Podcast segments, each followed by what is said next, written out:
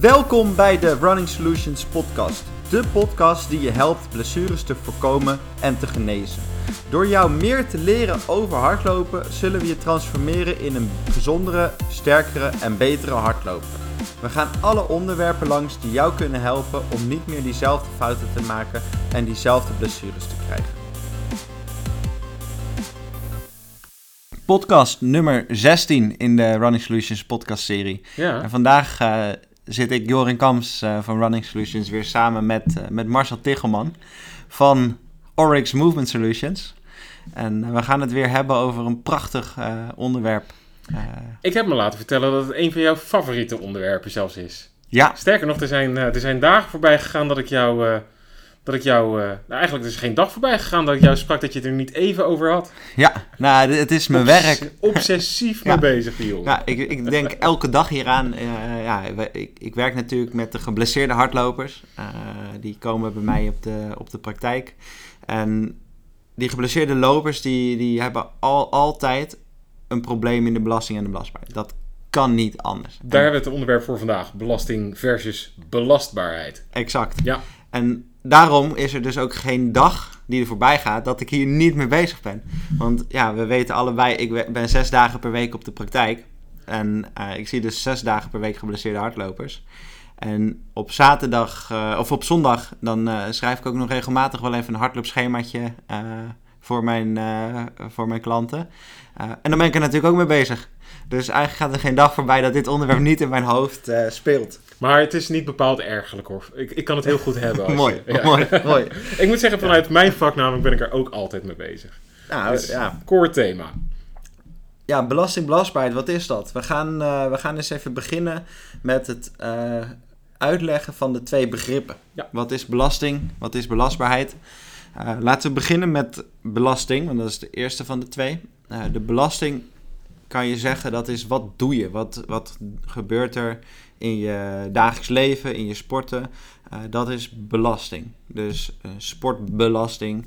Uh, ja, als je stress hebt, is het belasting. Als je werk hebt, is het belasting. En dat alles bij elkaar bepaalt de totale belasting die je als mens krijgt op een dag of in een week of in een maand. In feite is het uh, de impact die, uh, die je omgeving op je uitoefent en die jouw eigen gedrag op je uitoefent. Dat is belasting. Ja, ja. ja. en dat kan je op een heleboel verschillende niveaus bekijken, maar laten we hem even algemeen pakken.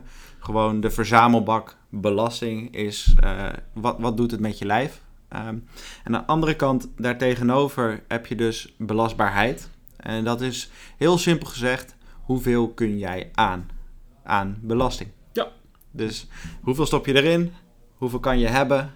Stop en waar, je er meer in dan je kan hebben? Dan ben je net een grens over gegaan. Dan heb je een probleem vaak. Ja. Dan, uh, de, de, de, een probleem in de zin van een blessure. Hè? Laten we dat. Uh, of, of een toekomst of een opbouwende blessure. Of iets uh, maar ook dat in een breder perspectief. Er zijn echt wel heel veel ook recreatieve sporters te vinden die toch best wel hard werken, maar ook extreem veel trainen ernaast. Uh, op het moment dat je bijvoorbeeld slechter begint te slapen, dan is dat vaak een teken van dat je over een grens bent heen gegaan qua belastbaarheid. Uh, wat dan uh, vaak toch wel overtraining of iets dergelijks genoemd wordt. Ja. ja. Ook dat is, is een kwestie van dat er een bepaalde mate van maximale belasting is. En ga je daar overheen, dan nou ja, Ja. weet je dat je over je grens van belastbaarheid bent gegaan. Precies, precies.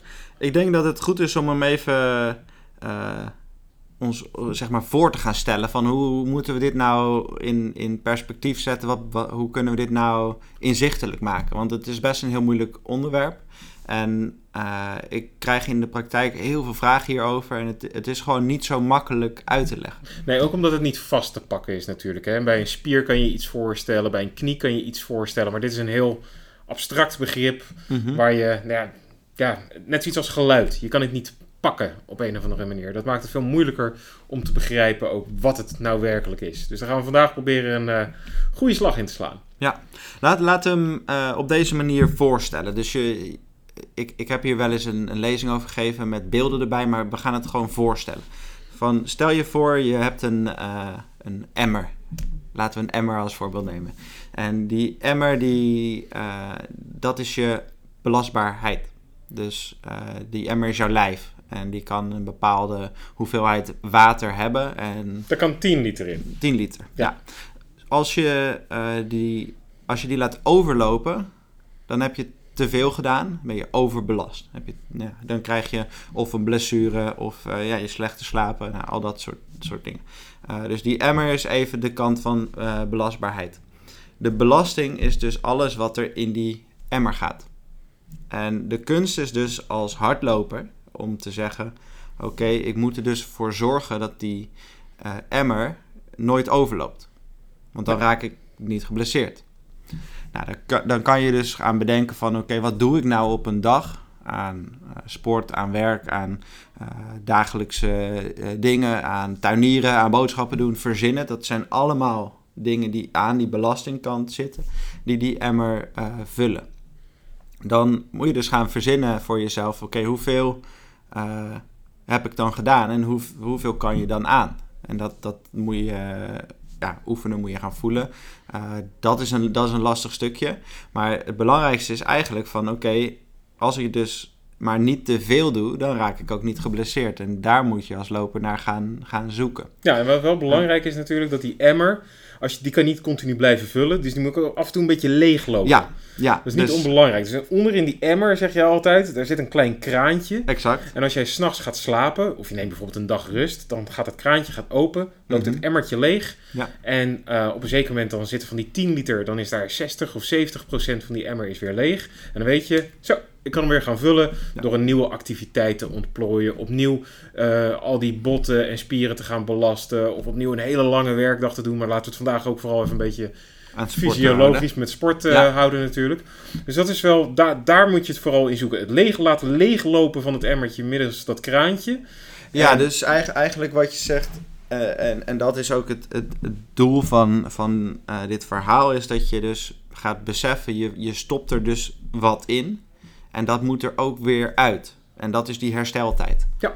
En eh, anders loopt die dus wel over. Dus als die balans daarin niet goed gaat, stel je voor je, je doet eh, vandaag, eh, nu je luistert, vandaag doe je een, een zware intervaltraining. Je bent nu aan het hardlopen, je luistert hiernaar, je doet een zware intervaltraining. En morgen denk je, nou doe ik nog een keer. Nou, dan heb je vandaag een hele grote belasting, want interval is altijd grote Dus belasting. die, hele- al die 10 Ehm, liter die hebben we in die, eh, in die emmer Die- gevuld. Ja, dan ga je een nachtje slapen en dan gaat er misschien 2 liter uit. Maar die training is misschien wel 4 liter waard. Ja, als je dan morgen dat weer gaat doen, dan is de kans dat je een blessure krijgt is, is eh, eh, vrij groot, zo niet 100%. Ehm, en dat is dus die hersteltijd die daartussen zit. Die emmer moet voldoende leeggelopen zijn voor je de volgende prikkel geeft. En eh, dat is echt wel belangrijk, eh, want eh, anders raak je gewoon geblesseerd. En de kunst is dus als je als hardloper zegt van ja, maar ik moet toch die grens opzoeken, want ik word niet beter in hardlopen als ik altijd maar die, die prikkels laag hou. Dus stel je voor, je zit altijd op tot maximaal 5 liter, terwijl je 10 liter kan hebben. Ja, dan ga je dus, wat je eigenlijk gaat doen in zekere zin, is die emmer kleiner maken, want je prikkelt hem niet. Je zet hem niet op zijn volle, eh, volle vermogen. En eh, dat is eigenlijk wel nodig, wil je beter worden en wil je die emmer als het ware groter maken. Absoluut. En de kunst is dus eigenlijk van, kunnen we ervoor zorgen dat we die emmer zo groot mogelijk maken, zonder dat we hem laten overlopen. En dan moet je hem dus steeds tot de max vullen, of bijna max, submaximaal, Ehm 9,5. Ja, en hoe weten we wanneer eh, je dat maatstreepje van die 9,5 voorbij gaat, dat je voorzichtig moet gaan zijn? Want die is ook niet onbelangrijk. Want uiteindelijk, je wil beter worden door maximale input te leveren. Maar ja, je, er zit een, hè, je wil niet je grensje voorbij. Ja, het is Dus een fine line. Het is een heel dun lijntje. Dus we gaan moeten leren dat we die emmer moeten laten leeglopen voordat we hem kunnen vullen. En als we hem aan het vullen zijn, moeten we ook zelf voelen wanneer we moeten stoppen met vullen. En dat het tijd is om weer het kraantje open te zetten. Ja, Daar gaat het in feite om. Dus wordt het tijd denk ik om te gaan kijken naar hoe werkt het nou precies met, eh, met die belasting? Wat komt Ja. er nou precies vrij? Nou, wat we dus aan de ene kant al hebben gezegd is die, eh, die belastbaarheid moet je dus niet overschrijden, moet je daaronder blijven. Maar aan de andere kant heb je dus die belasting eh, die erin stopt. En dat, dat wordt ook bepaald door een hele hoop factoren. Hoeveel is zo'n hardloopsessie dan waard?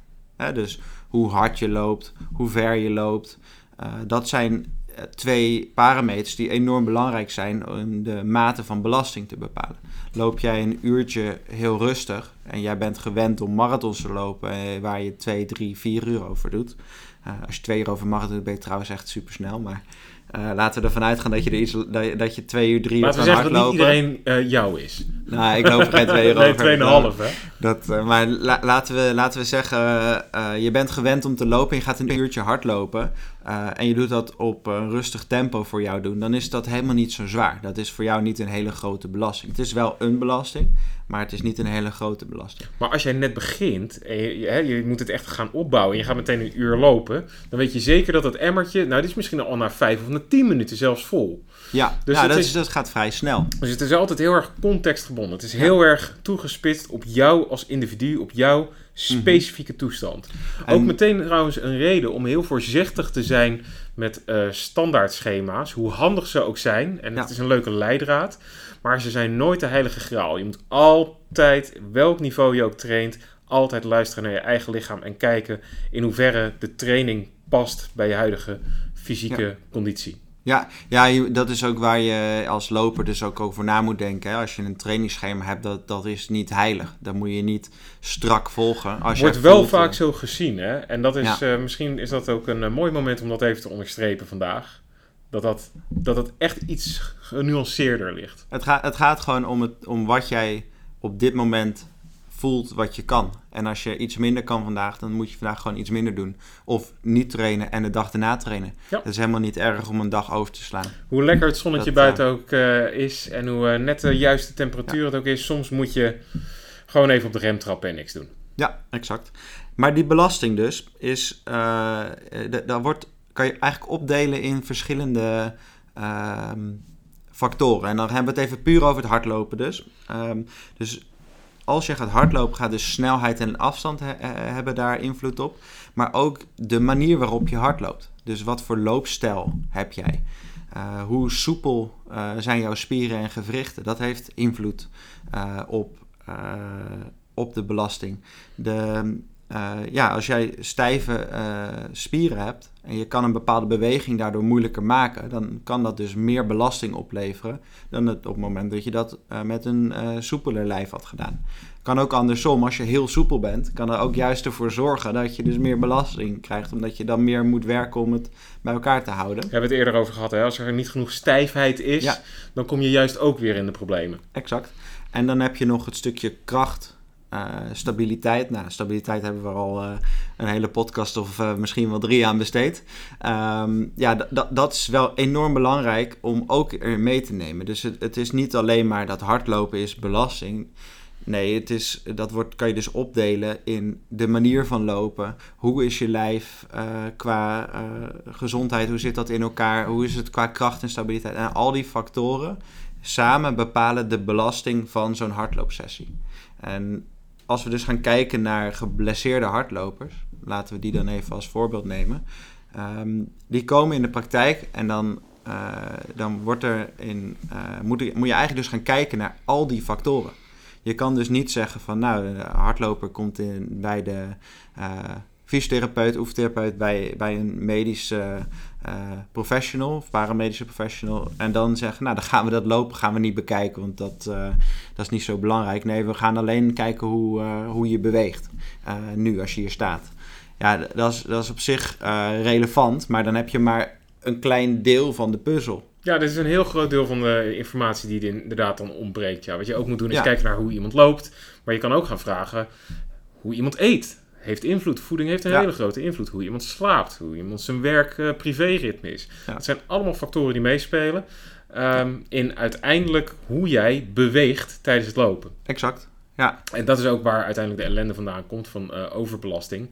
Dat mensen denken dat ze meer aankunnen dan dat ze eigenlijk kunnen handelen. Ja, ja, en de truc is dus, zeg maar, om even terug te gaan op wat, wat ik net bedoelde te zeggen, is als je een uh, hardloper dus voor je hebt, geblesseerd of niet geblesseerd, het gaat erom dat je in kaart gaat brengen voor jezelf, of dat doe je samen met een uh, professional, breng in kaart hoe, hoe, hoe flexibel ben je eigenlijk? Hoe beweegt jouw uh, heup? Hoe beweegt je knie? Hoe beweegt jouw rug? Hoe beweegt je enkel? Hoe, hoe gaat het met die gewricht? Hoe gaat het met die spieren daaromheen? Zijn die soepel? Of zit daar uh, stijfheid of spanning in? Of zitten daar uh, problemen? Hoe zit het met de kracht van al die structuren? Is, zit dat in orde? En dan is het dus daarnaast dus hoe beweeg je? wat door al die dingen wordt beïnvloed. En dat tezamen, als dat goed gaat, dan breng je dus eigenlijk de belasting van zo'n hardloopsessie omlaag. Ja. Want hoe beter jij dat kan, hoe beter jij die, al die factoren in orde hebt, hoe minder belastend en die dus hoger je belastbaarheid is. Ja, nou in zekere zin is het dus de, die, die hoeveelheid water die naar die emmer gaat, waar we het er straks over hadden, die wordt minder. Dan diezelfde hardloopsessie als jij technisch goed loopt, de kracht en de beweegheid is in orde, dan, dan zal je misschien een liter vullen. Terwijl als het niet in orde is, twee. Dan, is, dan heb je dus qua belasting, qua één hardloopsessie, misschien wel twee keer of drie keer zoveel uh, belasting dan dat je zou hebben als je, als je het goed zou doen. Dus de kunst is, kunnen we lopers zo, kunnen we ze zo op weg helpen dat ze dit, uh, dit principe kunnen gaan gebruiken voor hun, uh, hun training en voor hun gevoel van oké, hoe kan ik dat dan, hoe kan ik dat inzetten? Dat is, dat is eigenlijk waar we nu naartoe moeten gaan. En volgens mij is het dan belangrijk om nu te gaan zeggen van oké, we weten nu dus, je hebt belasting, je hebt belastbaarheid, uh, er zit daar ergens een grens. Laten we beginnen met het herkennen van die grens. Hoe komen we daar uh, uit? Ja. En volgens mij heb jij daar een heel mooi, uh, mooi antwoord op. Nou ja, ik ben ook wel benieuwd hoe jij het vanuit een fysiotherapeutisch ooghoek, uh, uh, oogpunt natuurlijk bekijkt. Maar wat er feitelijk gebeurt, je hebt uh, op het moment dat jij door een bepaalde grens van die belastbaarheid heen gaat, dan raak je geblesseerd. Dat is echt simpelweg echt een lijntje. Als je daar overheen stapt, dan gaat het letterlijk mis. Ja. De meeste blessures die bij hardlopen voorkomen, dat zijn zogenaamde chronische uh, blessures. Je hebt twee soorten. Je hebt acuut, dus dat is bijvoorbeeld een Achillespees die in één keer knapt, of een, uh, of een, een, bot wat breekt omdat je een schop krijgt. Simpel gezegd een, een breuk, een scheur, een precies. Uh, traumatische blessure. Echt, ja, precies. Maar je hebt ook de chronische blessures. Dat zijn degenen die langzaam opbouwen zonder dat je het eigenlijk doorhebt, totdat het echt vervelend begint te worden. Hè? De, de kniepijnen, de Achillespeespijnen, uh, uh, voor voetballers liespijnen.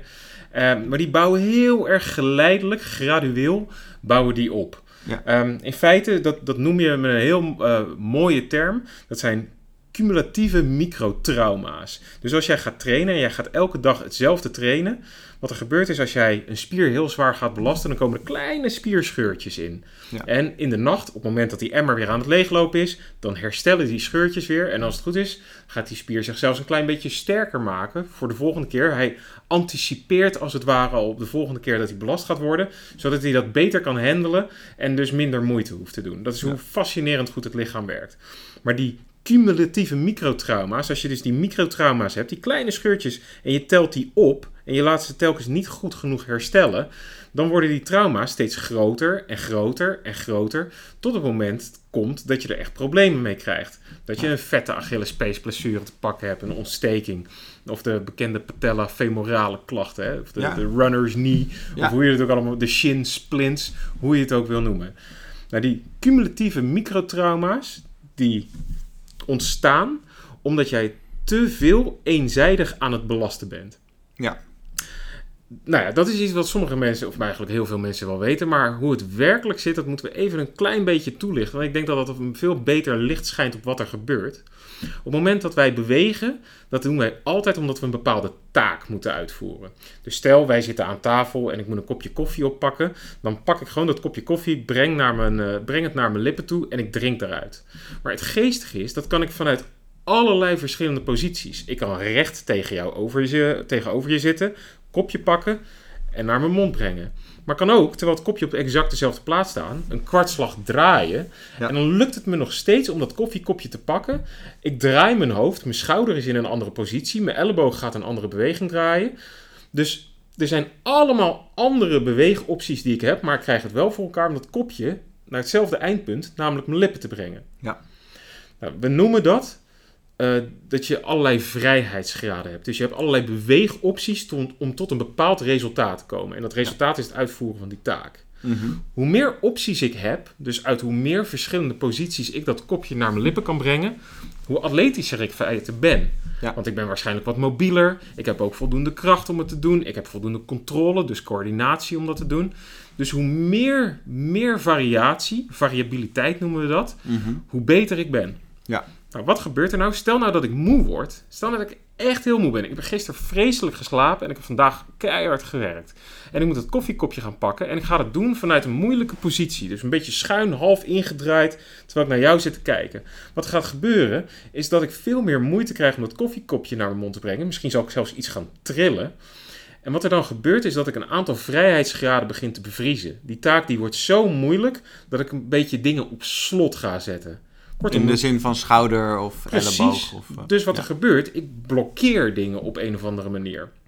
Nou, als je dat gaat doen, betekent dat ook dat als ik dat heel vaak ga doen, dat ik niet meer allemaal die beweegopties heb, maar het worden er steeds minder. Ja. Dus ik ga die spieren op steeds meer dezelfde manier belasten, in plaats van dat ik ze heel veelzijdig belast in allerlei verschillende configuraties. Ja.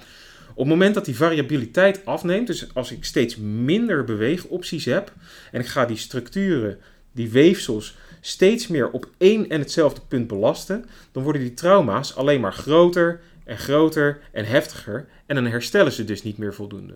Ja. Dus jij kan je voorstellen, als ik gisteren een hele harde training heb gedaan, ik ben heel hard wezen lopen en ik ben heel erg moe, dan begin je aan het einde vaak toch, voel je dat je minder goed begint te bewegen. hè. Het begint allemaal wat houteriger te worden vaak. Ja. Dat is een eerste teken dat jij minder beweegopties hebt waar je gebruik van kunt maken. Met andere woorden, je variabiliteit neemt af. Mhm. Dat betekent dus ook dat die structuren, die weefsels, begin je steeds eenzijdiger te belasten. Dus de druk op die Achillespees op één specifieke plek wordt groter en groter en groter. Nou, het ligt iets genuanceerder dan dat, maar ik denk dat je het voorbeeld wel snapt. Nou, je moet je, je moet je eigenlijk voorstellen, doordat je dus die mindere eh, bewegingsvrijheid hebt, hè, verminderde bewegingsvrijheid, doordat je dus... Word je, Je word hebt minder beweegopties waar je Ja. gebruik van kan maken. Wa- waardoor je dus simpeler, simpel gezegd, je gaat veel meer hetzelfde doen, waardoor je dus hetzelfde prikkelt. Ja. Dus je moet je voorstellen als je een, een, eh, een, een hiel naar je beeld toe brengt en je doet dat rechtdoor en je kan geen andere kant meer op en je doet dat honderd keer, ja, dat is best wel, best wel heel eenzijdig belasten van die hamstring in dit geval. Ehm, maar als je dat in honderd verschillende manieren doet, is dat veel minder zwaar en ook veel minder dezelfde prikkel op precies hetzelfde plekje in die structuur. Ja. En dat, dat, is, dat is wat je bedoelt te zeggen, Ja, toch? dan krijg je zoveel cumulatieve microtrauma's op één gecentreerd plekje, Ja. dat dat op een zeker moment zich zal uiten in een blessure. Ja, dat microtrauma komt steeds op dezelfde plek terug. Juist. En dat wordt die Juist. blessure. Terwijl andere delen van die weefsels, die zijn misschien nog hartstikke goed belastbaar, maar jij bent het gewoon te eenzijdig gaan belasten. Dus wat gebeurt er nou? Als jij voelt dat je echt houteriger begint te bewegen en het begint echt moeilijk te worden, dan is het de vraag of het nog verstandig is om die training op dat niveau door te zetten. Mhm. Op het moment dat jij al wegloopt en je voelt, dit is eigenlijk helemaal niet zo lekker vandaag, of je komt je bed misschien zelfs al uit met een pijntje, dan Ja. moet je heel erg gaan afvragen, is mijn belastbaarheid vandaag wel oké?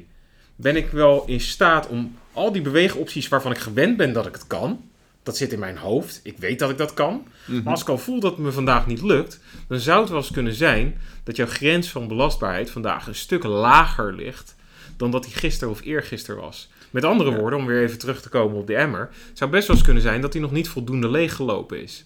Ja. Je bent gewoon nog niet voldoende hersteld. Nou, een van de moeilijke dingen die je natuurlijk tegenkomt, is dat dit een heel erge gevoelskwestie is. Dus dat kan je niet echt meten. Maar, ehm, dus je zal heel goed naar je lichaam moeten luisteren, wat iedereen altijd zo zegt. Ja. Maar dit is de definiëring daarvan. Maar wat, Dit wat, is eh, luisteren naar je lichaam. Als je dit voelt gebeuren, dan weet je dat er misschien. Wat zijn, eh, wat zijn de dingen die je als loper dan gaat voelen? Dus ik denk dat het voor iedereen heel erg anders is. Want het Nee, hangt maar een er, is- beetje. er, zal herkenbaar, er zijn vast herkenbare dingen. Zo, naar mijn idee eh, zijn dat, eh, zijn dat eh, vrij voor de hand liggende dingen. Namelijk als jij stijf je bed uitkomt, omdat je gisteren hebt gelopen. en je voelt het is behoorlijk stijf allemaal, ja, dan is dat als je heel veel traint, laten we zeggen lopers die vijf, zes keer in de week lopen of meer, ja, is dat een gevoel wat ze herkennen, wat ze vaak hebben na uh, zwaardere trainingen. En dan kunnen ze die dag prima een rustige training doen. Ja. Maar voor de meeste lopers die luisteren, die zullen een keer of drie in de week lopen, misschien vier. Die, die zullen denken van ja, als ik dan stijf mijn bed kom, dan ga ik zeker niet nog een keer rennen. En dan hebben ze nog groot gelijk ook, want dat is het gevoel wat voor hun aan gaat geven. Oké, dit is even genoeg. Neem, die, neem voldoende hersteltijd, zo'n uh, ja, 48 tot 72 uur bijvoorbeeld.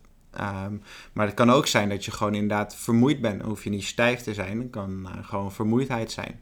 Of een, uh, wat jij net aangeeft is eigenlijk als je voelt van tijdens het lopen dat je verstijft of dat je houteriger gaat bewegen of je verliest je souplesse. Als je echt, wat ik altijd ervaar, als je moet gaan zoeken naar je pas, Dan ben je eigenlijk net over de grens. Dan zit je in ieder geval op de grens, ja. Ja. Ja, En da- dan is het ook dan het moment om te stoppen. ja of in ieder geval de intensiteit extreem omlaag te schroeven. Kijk, dat is natuurlijk voor elk geval heel erg verschillend. Maar wat, wat, wij, wat wij zien, en de wetenschap die, die loopt ook steeds meer richting, eh, richting die kant.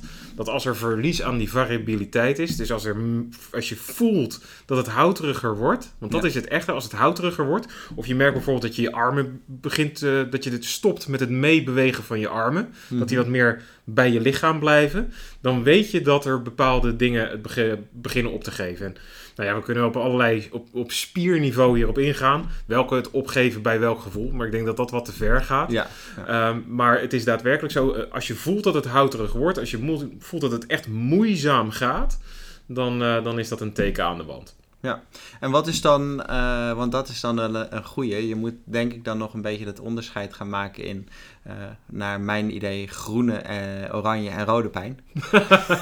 want, la- Vlaggetjes. nou, nou, stoplicht. Ja, stoplicht. ja wij noemen het vlaggetjes. Ja, je moet je voorstellen, als je, als je zoals ik, ik train, ik train dan vier, vijf keer per week momenteel ehm aanlopen. En, Je, hebt, eh, je hebt slechte weken, hoor ik. Nee, nee, dat, zijn pri- dat, zijn pri- dat is prima. Dat zijn, ik, ben, ik ben helemaal content mee. Vroeger trainde Dat, je eh, meer. Ik trainde toen, nou, laat, laten we dat voor. Nee, ik trainde toen zeven dagen per week sowieso. Ehm Eén rustdag voor het lopen, maar dan had ik geen echte rust. Dan deed ik andere dingen, maar We zouden het rustig kunnen omschrijven als eh, maniacaal, denk ik. obsessief. ja, wat, wat, je, wat je dan merkt is dat je, je komt dan zeg maar op dat niveau. Hè? Want eh, ik- toen stond ik in, in alle ranglijsten in de top 50 van Nederland. Dat, dan, dan doe je aardig, aardig hoog niveau sporten. Ehm, dan, dan heb je altijd wel iets van stijfheid, Een stramheid, een pijntje. Ehm, en dan, dan moest je voor jezelf gaan voelen van wanneer is het daadwerkelijk een pijntje dat ik moet stoppen. Of kan ik hier wel even mee door en laat ik dat zich langzaam herstellen en gaat het wel weer weg. En eh, dat gevoel is best heel lastig. En eh, dat is het verschil tussen heb je spierpijn of heb je pijn omdat er een, een structuur echt beschadigd is. En Of dat eh, kan je een andere die ook niet onbelangrijk is. En daar, eh, nou, een vriend van mij, laten we zeggen dat die daar nog wel eens last van heeft. De geen zinpijn. Die heb je ook nog wel eens. Ja, geen zin om te lopen, pijn. Ja, nee, klaar mee ja, die heb je toch? Ik kom wel eens mijn bed uit. Nee, ik bedoel, die vriend die komt wel eens een keer zijn bed uit. en die, eh, Vraag het niet voor mezelf. Vraag dit voor een vriend, ja. Nou, nee, dat is zo. Ja, je kan ook pijntjes creëren natuurlijk. Dat, eh, dat, dat- ja, omdat je geen zin hebt, ja, dat, dat kan. Maar dat, ik, laten we ervan uitgaan dat onze, loper, onze luisteraars zijn lopers. Die gemotiveerd. zijn gemotiveerd, die, hebben, die, die, die, verdiepen zich in, in looptechniek en loopstijlen. Anders en, en luister je deze daarom, podcast daarom niet luisteren ze dit. Dus laten we vanuit gaan dat ze dat niet zo heel vaak hebben. En als ze het wel hebben, ja, misschien moeten ze daar dan ook even aan toegeven. Dat eh, is namelijk die psychische belasting van het lopen. Waar ook belastbaarheid eh, en belasting mee, eh, mee wordt Ik vergeleken. ben toch blij dat je wat ik suggereer niet helemaal afdoet als, als onzin. Nee, nee, nee. Nou ja, je hebt, je hebt wel verbetering daarin te maken, jij. Dat, je, moet gewoon, je moet gewoon je bed uit en lopen. Huppakee. Dat, dat is het. Dank voor de tip. Dat is trouwens ook voor de luisteraars. Je bed uit en lopen. Maar had jij niet een veel interessanter verhaal dan, eh, dan dit? Ja, nou ja, wat, wat het dus eigenlijk. eh, wat, wat je dus eigenlijk eh, zegt is: zorg ervoor dat je.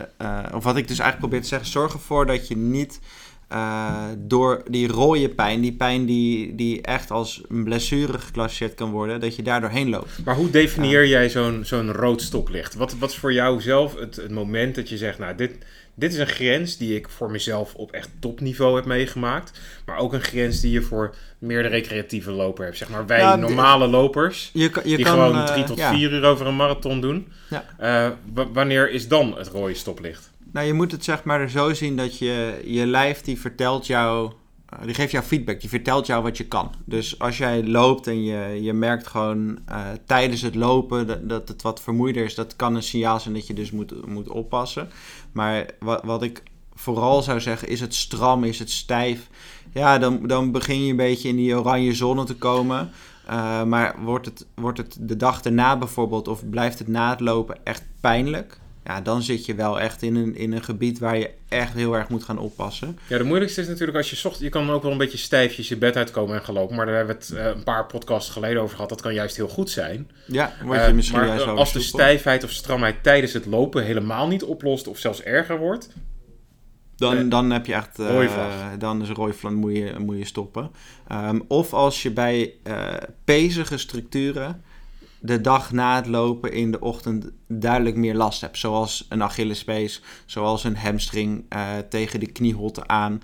Eh, of tegen de bil, eh, ho- ja, tegen de, de, de, het zitbot aan. Dat, die pezige structuren, die worden, die worden echt stijf in de ochtend. Startstijfheid, na even stilzitten, weer stijf. Dat zijn echt wel blessurepijntjes waar je echt wel mee moet oppassen. Maar Ja, zeker bij de Achillespees, die is heel tricky. Heel veel mensen denken, als ik dan ga lopen, dan gaat het over. ja, dan wordt Maar die warm. dus- wordt die warm Ja, maar je bent dus in feite averechts bezig. Ja, je maar er gebeuren nog wel eigenlijk andere dingen waarschijnlijk ook die, eh, die daar invloed op hebben we een hebben. hele podcast aan gewijd. Dat, eh, aan de Achillespees. Met, eh, met Dennis. Dennis Licht, Ja. ja. Ehm, maar de, dus om terug te komen antwoord op je vraag. eh, het is heel lastig om dat onderscheid te maken. Maar eh, je gaat het wel voelen als het dus langer aan blijft houden dan, dan één loop of twee loopsessies. Als het pijnlijk wordt buiten het lopen om. Dat zijn allemaal signalen van oké, nu moet je dus echt wel gaan opletten. Dus samenvattend hebben we het over eh, houterigheid. Als het houterig voelt. Als eh, aanhoudende en verergerende stijfheid. Ja. En peespijn. Die drie Ja. categorieën daarvan kunnen we zeggen rood stoplichtje. En dan is het dus eigenlijk zaak van hoe kun je nou als loper ervoor gaan zorgen dat je dit goed doet.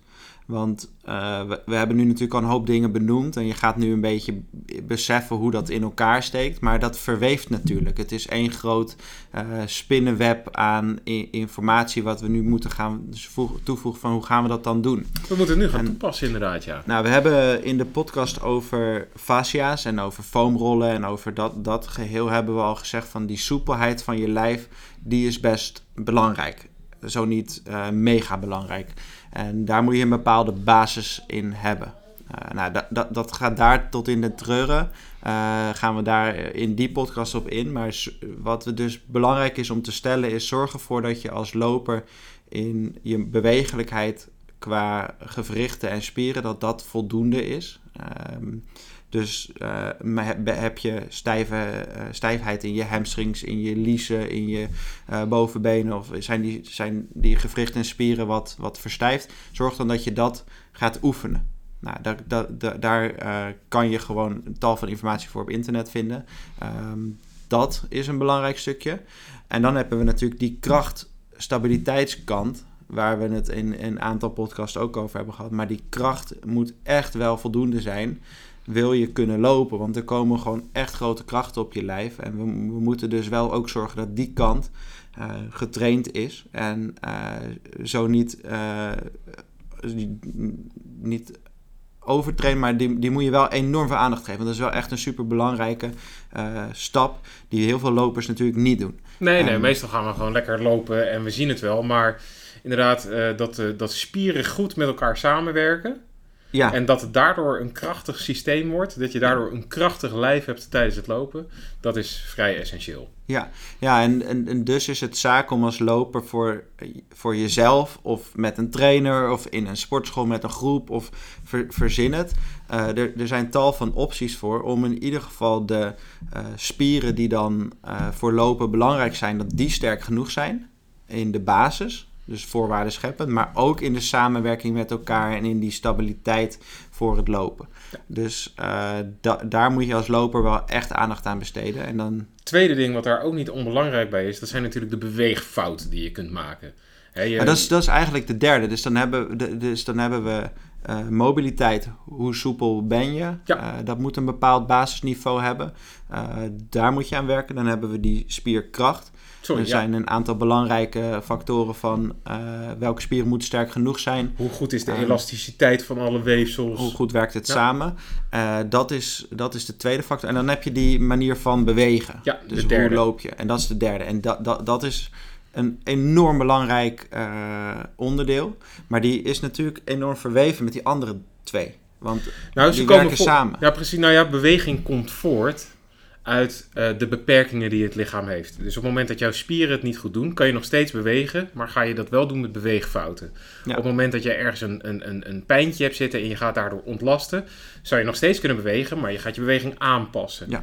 Nou, dus beweegfouten kunnen zijn uiteindelijk een, een gevolg van andere intrinsieke voorwaarden. Het kan ook een oorzaak zijn, omdat jij bijvoorbeeld op techniek gaat uh, lopen die helemaal verkeerd is aan alle kanten. Dan kan je jezelf ook weer juist over allerlei grenzen heen gooien. Dus het werkt een beetje van twee kanten. Maar het meest voorname is, we proberen hier vandaag uh, belastbaarheid en belasting in, uh, in een goede balans te krijgen. Dus um, vooral dat gevoel van houterigheid. als je dat hebt en die, uh, die eerdere problemen die we noemden, de pace-problemen en, uh, en de aanhoudende en verergerende stijfheid, in combinatie met hoe het voelt, hoe je beweegt, alles, daarmee kan je uiteindelijk ervoor zorgen dat je, nou ja, nooit meer geblesseerd raakt. Ja, dat is het uiteindelijke doel. Je nooit geblesseerd raken. Ja. ja. En de, dat, is, dat is natuurlijk de titel van deze podcast. Je, zo raak je nooit meer geblesseerd. Um, maar uh, het kan ook echt. En het, het is heel moeilijk en uh, als hardloper zoeken we die grens op. We zeggen, we zeggen het ook, het is een fine line. Maar het, het kan oprecht als je eronder blijft. En de kunst is, kunnen we dat als lopers, uh, kunnen we dat voor elkaar krijgen. En dan moeten we dus die voorwaarden waar we het net over hebben, die drie voorwaarden, moeten we alle drie moeten we aanpakken als loper. Anders dan is het 100% uh, eh, dat je een probleem gaat krijgen. Ja, en niet onbelangrijk om hierbij te vermelden. Ehm, als je hulp gaat zoeken bij een trainer, dat kan in heel, vaak, heel veel gevallen heel erg goed helpen. het is niet voor niets dat de allergrootste sporters ter wereld laten zich begeleiden door coaches. Uh, zelfs ik uh, en jij ook. Laat je begeleiden door een coach. Ja. Uh, zodat, je, zodat je ook even een, een opinie van iemand anders hebt. Die jou kan, kan wij, of tenminste, hoe zeg je dat? Dat die daar awareness, sorry, hoe zeg je dat? Bewust, ja, je bewust, bewust van kan maken dat je, dat, je, dat je iets fout doet, dus dat je het moet aanpassen. Maar uiteindelijk uh, moeten we ook heel eerlijk zeggen dat we uh, de, het een, de enige die echt kan voorkomen dat je over die grens heen gaat, dat ben jij zelf. Dat kan geen trainer voor jou doen. Er is geen trainingsschema ter wereld wat exact ervoor kan zorgen dat jij nooit geblesseerd raakt. De enige manier om dat te doen, dat is door heel erg goed naar je eigen lichaam te luisteren. En deze signalen die we net genoemd hebben. Ja, dus samenvattend, heel kort. Als je blessures wil voorkomen, belasting en belastbaarheid moet met elkaar in balans blijven als een weegschaal. Als je maar niet te veel belast ten opzichte van hoeveel je aan kan, dan gaat het goed. Zorg ervoor dat de belasting, dus het lopen, uh, dat dat zo goed mogelijk gaat, zodat je dat meer kan doen. Want dan past het binnen die belastbaarheid vaker, langer, harder. Uh, dus zorg voor een goed, goede manier van bewegen, voor voldoende soepelheid en voldoende kracht, stabiliteit. Heb je dat in orde, dan is de kans op zo'n blessure gewoon echt veel kleiner. En uh, dat is de take-home message van vandaag. Alle al die factoren moet je aanpakken, moet je bewust van zijn, moet je mee bezig zijn. Uh, en dat, dat, kost niet eens heel veel tijd. Doe twee, drie keer in de week even een kwartiertje. Uh, aandacht besteden aan kracht en aan een kwartiertje aan mobiliteit.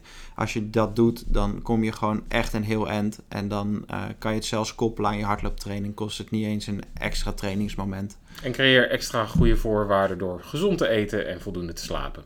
Ja, nou dat is absoluut de basis. Hè? Gezond leven. Juist. Dat is ook het mooie van hardlopen. is hartstikke gezond, goed voor je lijf. Uh, dus ja, dat... Uh... Ik hoor het je zeggen. Ja. Bedankt voor het luisteren naar de Running Solutions podcast. Heb je vragen naar aanleiding van deze podcast Of zijn er onderwerpen die jij graag besproken zou hebben in de toekomstige podcast? Laat het ons dan vooral weten. Dit kan je doen door te e-mailen naar Running Solutions of laat even een comment achter onder de Apple Podcast, uh, in Spotify of de andere podcast services waar we te vinden zijn.